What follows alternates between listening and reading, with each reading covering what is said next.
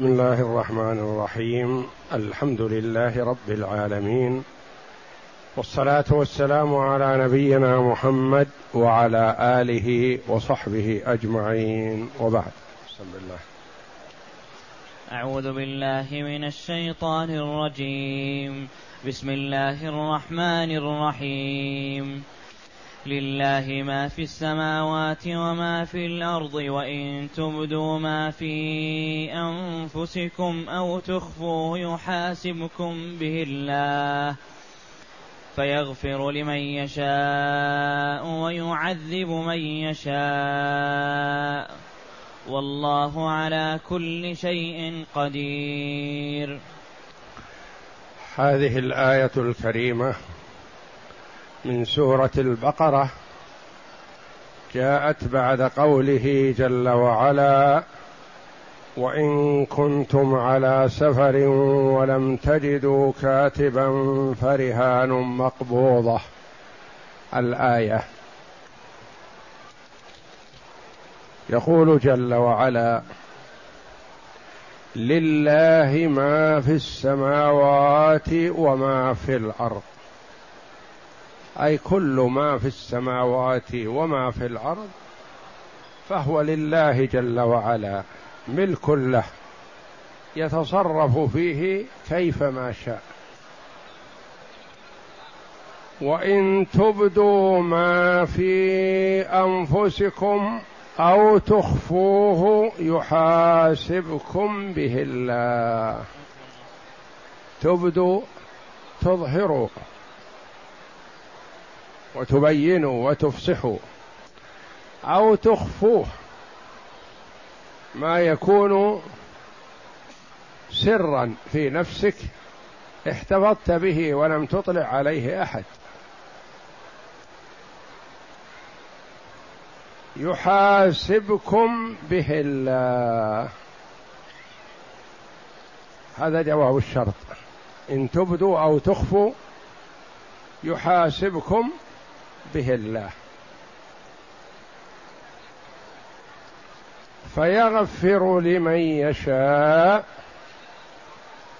ويعذب من يشاء. يغفر لمن يشاء فلا يواخذه بما أظهر ولا أبطن. ويعذب من يشاء. الأمر إليه جل وعلا وحده. يحكم في عباده ما يريد. لا يسأل جل وعلا عما يفعل وهم يسألون. ولو عذب العباد كلهم الطائع والعاصي لعذبهم جل وعلا وهو غير ظالم لهم.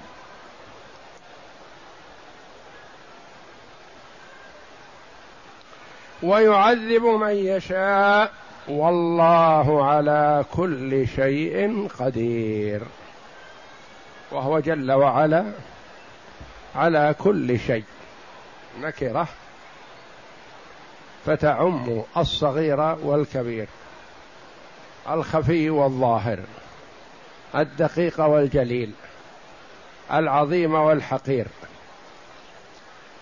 والله على كل شيء قدير. والإتيان بالظاهر بدل الضمير لإعلان شمول ذلك وأن الله جل وعلا محيط بكل شيء وقادر على كل شيء. فمعنى الآية من حيث اللفظ أن الخلق كلهم ملك لله يتصرف فيهم كيفما شاء وأنه يعلم ما يسرون وما يعلنون جل وعلا وأنه مطلع على ذلك سبحانه ومقرر عباده به. ثم إنه جل وعلا من شاء غفر له ومن شاء عذبه وهو على كل شيء قدير سبحانه. وقد اختلف العلماء رحمهم الله في المراد بهذه الآية اهي في الشهادة خاصة.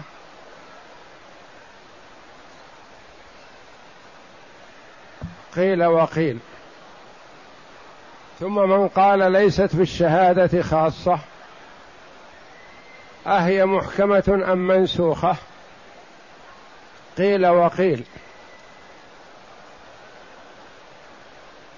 ثم إذا كانت محكمة فما المراد بقوله يحاسبكم به الله؟ أقوال للعلماء رحمهم الله. نرجع إلى أولها. قال بعض العلماء ويروى عن ابن عباس رضي الله عنه أن هذا في الشهادة ولا تكتموا الشهادة ومن يكتمها فإنه آثم قلبه والله بما تعملون عليم لله ملك السماوات والأرض وإن تبدوا ما في أنفسكم أو تخفوه يعني إن تؤدوا الشهادة كما أمرتم وكما اطلعتم عليه أو تعدلوا فيها وتحذفوا وتزيدوا وتنقصوا فالله جل وعلا مطلع على ذلك. ويحاسبكم على هذا. هذا قول لبعض العلماء. والقول الآخر وهو الأقرب والله أعلم أن الآية عامة وليست في الشهادة خاصة. لأنه لا يجوز تخصيص آي من آي القرآن بسبب أو لشيء ما بدون مستند شرعي. فهي عامة وعمومها أولى. لله ما في السماوات وما في الأرض. وإن تبدوا ما في أنفسكم أو تخفوه يحاسبكم به الله. يحاسبكم به الله. أهي محكمة أم منسوخة؟ قيل منسوخة. وكيف ذلك؟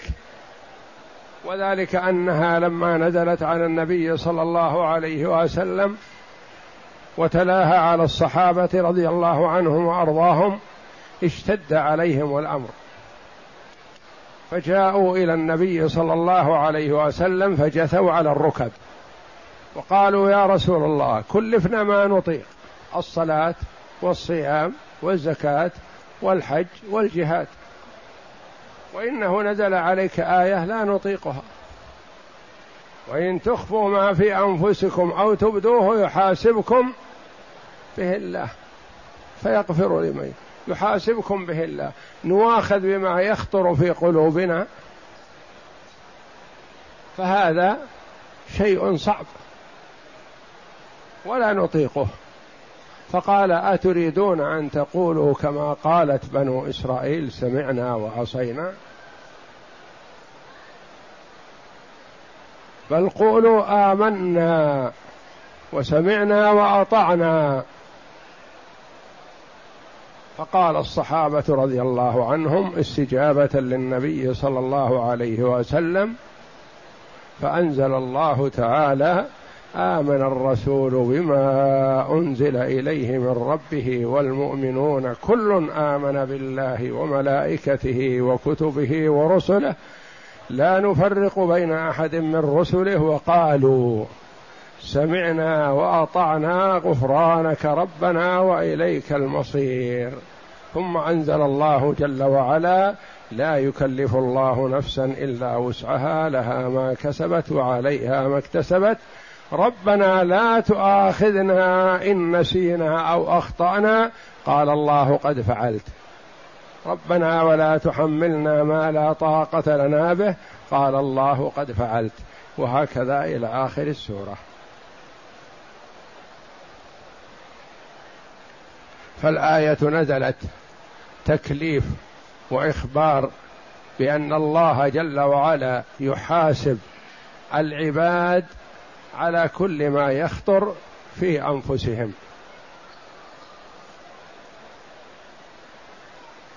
ولما شق ذلك على الصحابة وأتوا إلى النبي صلى الله عليه وسلم يشكون الأمر إليه بين لهم النبي صلى الله عليه وسلم ما يجب عليهم وحذرهم من أن يسلكوا مسالك بني إسرائيل.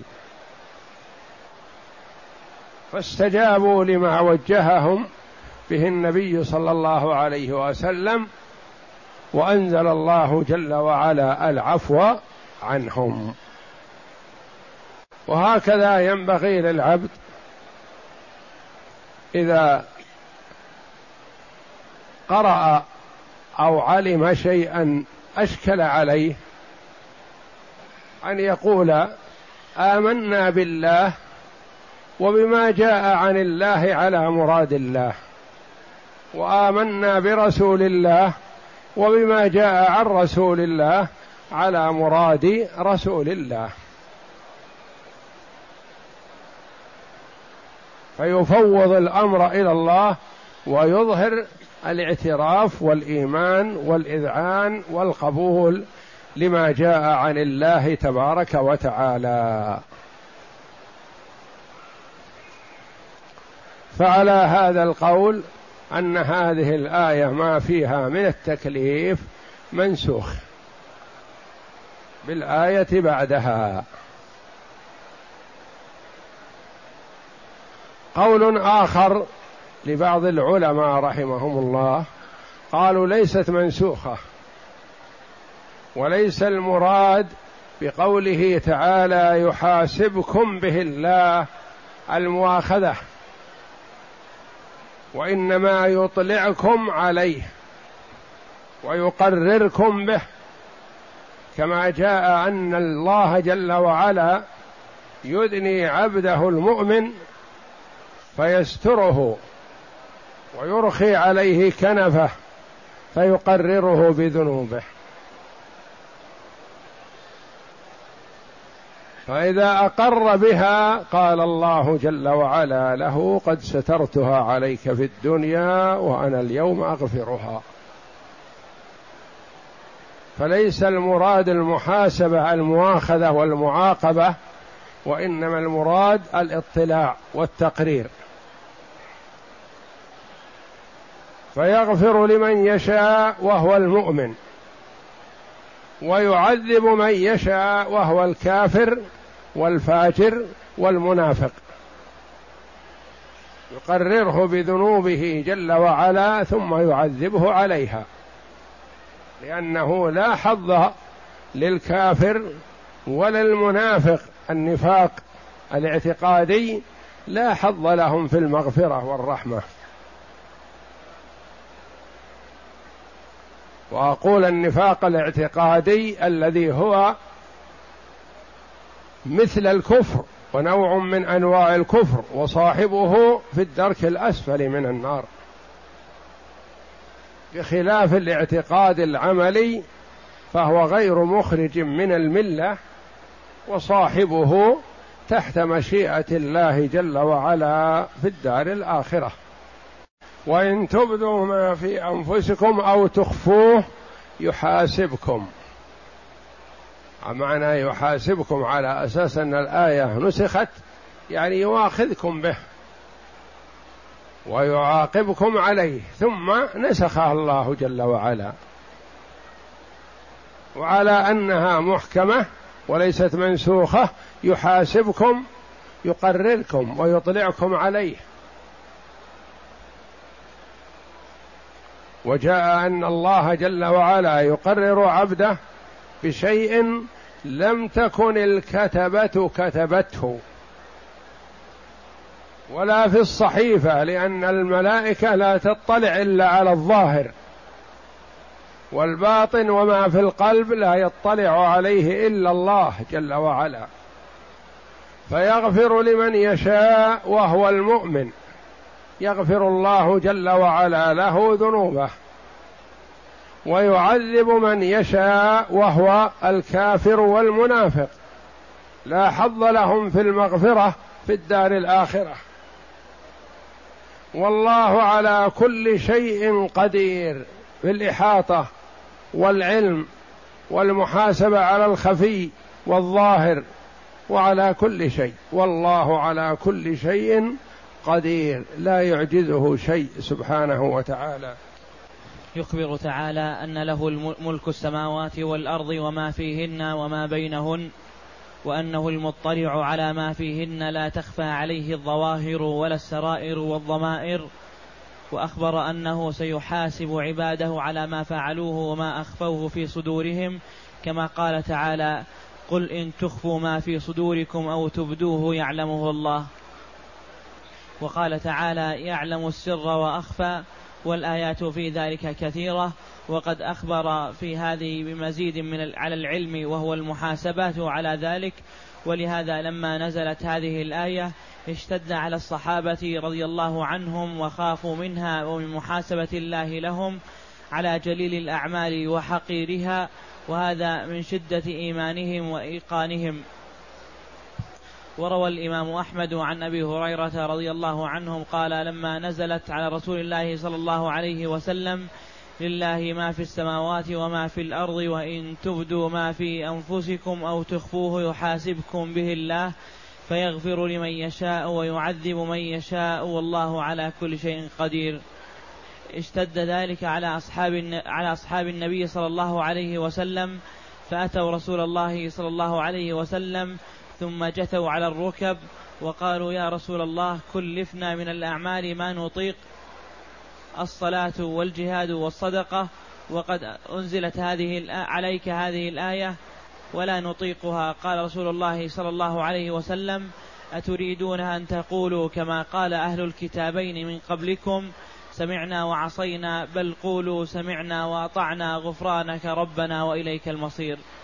فلما أقر بها القوم وذلت بها ألسنتهم أنزل الله في أثرها آمن الرسول بما أنزل إليك وما بما أنزل إليه من ربه والمؤمنون كل آمن بالله وملائكته وكتبه ورسله. لا نفرق بين أحد من رسله وقالوا سمعنا وأطعنا غفرانك ربنا وإليك المصير. فلما فعلوا ذلك نسخها الله فأنزل قوله لا يكلف الله نفسا إلا وسعها لها ما كسبت وعليها ما اكتسبت. ربنا لا تؤاخذنا إن نسينا أو أخطأنا إلى آخره. ورواه مسلم عن أبي هريرة ولفظه فلما فعلوا ذلك نسخها الله فأنزل قوله تعالى لا يكلف الله نفسا إلا وسعها لها ما كسبت وعليها ما اكتسبت. ربنا لا تؤاخذنا إن نسينا أو أخطأنا. قال نعم. ربنا ولا تحمل علينا إصرا كما حملته على الذين من قبلنا. قال نعم ربنا ولا تحملنا ما لا طاقة لنا به. قال نعم واعف عنا واغفر لنا وارحمنا أنت مولانا فانصرنا على القوم الكافرين. قال نعم. وهذا القول هو الأظهر والله أعلم في أن هذه الآية منسوخة. في قوله إن وإن تبدوا ما في أنفسكم أو تخفوه يحاسبكم به الله. لأن الأحاديث الكثيرة تدل على أن الله جل وعلا عفى عن أمة محمد صلى الله عليه وسلم ما حدثت به أنفسها ما لم تعمل أو تتكلم. فشيء وسوس في النفس لا يواخذ الله جل وعلا عليه والآيات فيها الأحاديث في هذا كثيرة وصحيحة.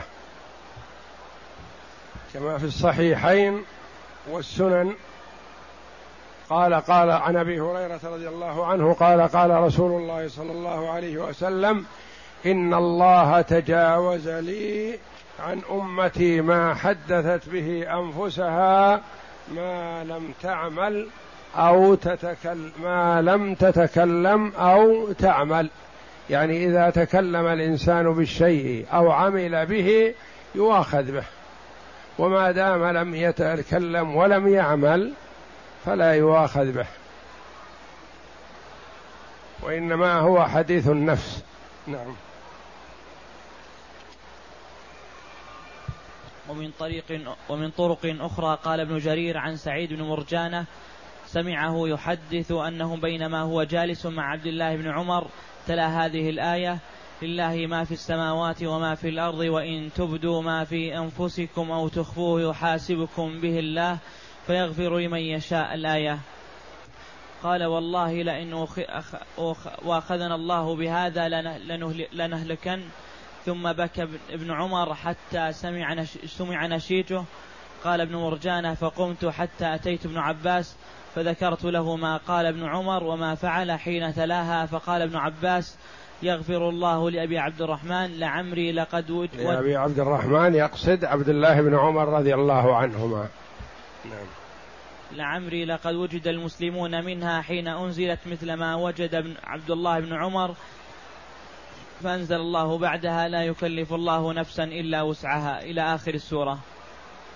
قال ابن عباس فكانت هذه الوسوسة مما لا طاقة للمسلمين بها وصار الأمر إلى أن قضى الله عز وجل أن للنفس ما كسبت وعليها ما اكتسبت في القول والفعل.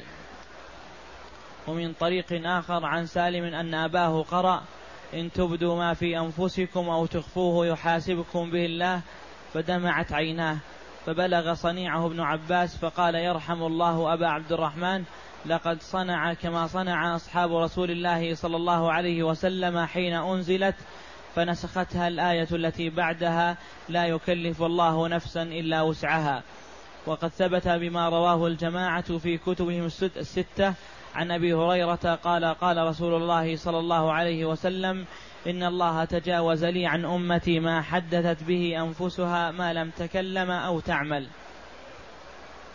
وفي الصحيحين عن أبي هريرة رضي الله عنه قال قال رسول الله صلى الله عليه وسلم قال الله إذا هم عبدي بسيئة فلا تكتبوها عليه فإن عملها فاكتبوها سيئة وإذا هم بحسنة فلم يعملها فاكتبوها حسنة فإن عملها فاكتبوها عشرا وقال رسول الله صلى الله عليه وسلم إذا أحسن أحد إذا أحسن أحدكم إسلامه فإن له بكل حسنة يعملها تكتب له بعشر أمثالها إلى سبعمائة ضعف وكل سيئة تكتب بمثلها حتى يلقي الله حتى يلقى الله عز وجل. وقال مسلم عن ابن عباس رضي الله عنه عن رسول الله صلى الله عليه وسلم فيما يرويه عن ربه تعالى قال إن الله كتب الحسنات والسيئات ثم بين ذلك فمن هم بسيئة بحسنة فلم يعملها كتبها الله عنده حسنة كاملة. وإن هم بها إذا هم بالسيئة وتركها لله تعالى فإن الله يكتبها له حسنة كاملة. وإذا هم بالسيئة وعملها فإن الله لا يكتبها عليه إلا سيئة واحدة. وإذا هم بالحسنة فلم يعملها كتبت له حسنة كاملة. وإذا هم بالحسنة فعملها كتبها الله له إلى عشر حسنات إلى سبعمائة ضعف إلى أضعاف كثيرة. وإن هم بها فعملها كتبها الله عنده عشر حسنات إلى سبعمائة ضعف إلى أضعاف كثيرة. وإن هم بسيئة فلم يعملها كتبها الله عنده حسنة وإن هم بها فعملها كتبها الله عنده سيئة واحدة. وروي عن أبي هريرة رضي الله عنه قال جاء ناس من أصحاب رسول الله صلى الله عليه وسلم فسألوه فقالوا إنا نجد في أنفسنا ما يتعاظم أحدنا أن يتكلم به. قال وقد وجدتموه؟ قالوا نعم. قال ذاك صريح الإيمان. وسئل رسول الله صلى الله عليه وسلم عن الوسوسة قال تلك يعني كراهية الإنسان أن يفصح عما في نفسه وبغضه لما خطر بباله ذلك صريح الإيمان وليست الوسوسة هي صريح الإيمان والله أعلم. يعني كون الإنسان يجي في نفسه شيء يكره أن يبديه. كراهية أن يبدي هذا الشيء هذا دليل الإيمان بالله. نعم. وروى ابن جرير عن مجاهد والضحاك أنه قال هي محكمة لم تنسخ واختار ابن جرير ذلك واحتج على أنه لا يلزم من المحاسبة المعاقبة وأنه تعالى قد يحاسب ويغفر وقد يحاسب ويعاقب. بالحديث الذي رواه قتادة عن صفوان بن محزر بن محرز قال بينما نحن نطوف بالبيت مع عبد الله بن عمر وهو يطوف إذ عرض له رجل فقال يا ابن عمر ما سمعت ما سمعت رسول الله صلى الله عليه وسلم يقول في النجوى؟ قال سمعت رسول الله صلى الله عليه وسلم يقول يدنو المؤمن من ربه عز وجل حتى يضع عليه كنفه في فيقر فيقر فيقرره بذنوبه فيقول له هل تعرف كذا؟ فيقول ربي أعرف مرتين حتى إذا بلغ به ما شاء الله أن يبلغ. قال فإن يعني يقرره بعدد من ذنوبه كثيرة حتى يخاف المؤمن أنه هلك ما دام أن الله جل وعلا أحصى عليه ذنوبه يخشى من الهلاك. نعم. قال فإني قد سترتها عليك في الدنيا وإني أغفرها لك اليوم. قال فيعطى صحيفة حسناته أو كتابه بيمينه وأما الكفار والمنافقون فينادى بهم على رؤوس, الأشهاد. يعني عند من يقول إن الآية ليست منسوخة بل هي محكمة. أن المقاد بقوله يحاسبكم به الله يطلعكم عليه ويقرركم به. وقيل المراد هو ما عزم عليه الإنسان اللي يحاسب به. العزم الأكيد هو الذي يؤاخذ به وما دونه لا يؤاخذ. ولهذا قال بعض العلماء آه نظم بعضهم مراتب القصد مراتب الفكر وما يدور في نفس الإنسان. فقال مراتب القصد خمس هاجس ذكر وخاطر فحديث النفس فاستمعا. يليه هم فعزم كلها رفعت سوى الأخير ففيه الأخذ قد وقعا ما هي الخمس؟ الهاجس والخاطر وحديث النفس والهم والعزم. خمسة. آخرها العزم هو الذي يؤاخذ عليه. وهو ما جاء في مثل ما جاء في الحديث الصحيح. إذا التقى المسلمان بسيفيهما فالقاتل والمقتول في النار. قيل يا رسول الله هذا القاتل. فما بال المقتول؟ قال إنه كان حريصا على قتل صاحبه. عزم. وسل سيفه والتقى بأخيه المسلم بسيفه فالقاتل والمقتول في النار. فيؤاخذ على العزم ولا يؤخذ على حديث النفس قبل هذا. والله أعلم. وصلى الله وسلم وبارك على عبده ورسول نبينا محمد وعلى آله وصحبه أجمعين.